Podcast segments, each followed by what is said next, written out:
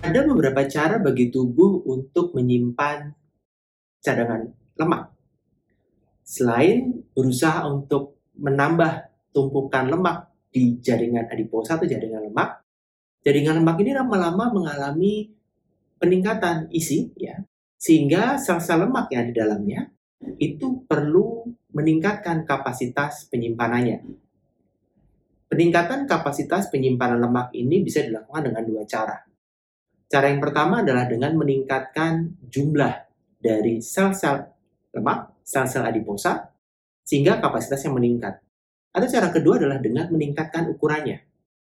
Ternyata, meningkatkan jumlah atau meningkatkan ukuran ini memiliki konsekuensi yang berbeda.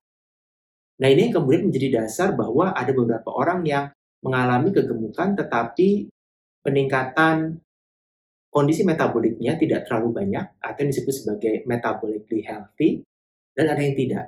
Dan ini ternyata ada hubungan atau ada sambungannya dengan perubahan yang terjadi pada lemak. Jadi ada lemak yang meningkat ukurannya atau bertambah besar dan ada yang menambah jumlah. Pada video ini kita akan membahas perbedaan dari peningkatan kapasitas lemak tersebut serta konsekuensinya bagi status metabolik. Lalu yang membedakan apakah orang tersebut dia sehat secara metabolik atau tidak. Cuplikan ini berasal dari kelas interaktif Gizi Gamma.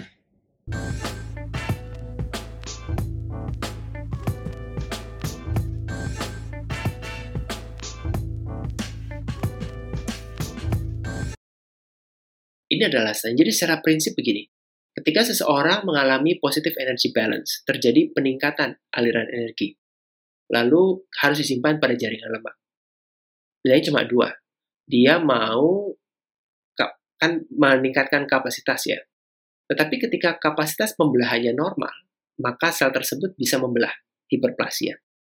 Tapi ketika kapasitas penyimpanan eh, pembelahannya terbatas, sel tersebut tidak bisa membelah. Ya pilihannya cuma tinggal hipertrofi. Jadi dia terpaksa untuk menampung lemak yang dimasukkan dan meningkatkan ukurannya. Dan kemudian ada konsekuensinya. Ketika hiperplasia, ya, peningkatan jumlah sel, maka angiogenesis normal, adipogenesis normal, sensitivitas insulin tidak terganggu. Tapi ketika dia hipertrofi, ukurannya membesar, maka dia akan berdampak. Salah satunya adalah karena hipoksia tadi, kekurangan oksigen, mati, menarik banyak jaringan imun atau sistem-sistem imun ke dalam jaringan lemak, lalu kemudian meningkatkan peradangan, lalu peradangannya akan merusak beragam jenis organ. Lalu disebut sebagai metabolically unhealthy. Nah, ini adalah perbedaan resiko penyakit orang berdasarkan status metabolically. Ada metabolically healthy, lean, ya sebagai reference lalu metabolically healthy obese, dia obes tapi healthy, dia resikonya lebih rendah daripada metabolically unhealthy. Ini beragam penyakit mulai dari penyakit kardiovaskuler, penyakit jantung, penyakit diabetes, bahkan lebih tinggi lebih tinggi lagi. Jadi uh, melakukan screening terhadap apakah orang mengalami ketika dia obes, dia metabolically healthy atau unhealthy itu penting. Sekali lagi, parameter yang digunakan apa? Ya, berdasarkan apa pendapat dari pakar, itu selain BMI di atas 30, tensinya gimana? Triglyceridnya gimana? Kolesterol gimana? LDL gimana? Gula puasa di mana? Dan CR. CRP itu sekarang mulai jadi pemeriksaan rutin untuk peradangan. Kita sering menyebutnya dengan high sensitive C-REC protein. Ini adalah protein yang menunjukkan status peradangan seseorang.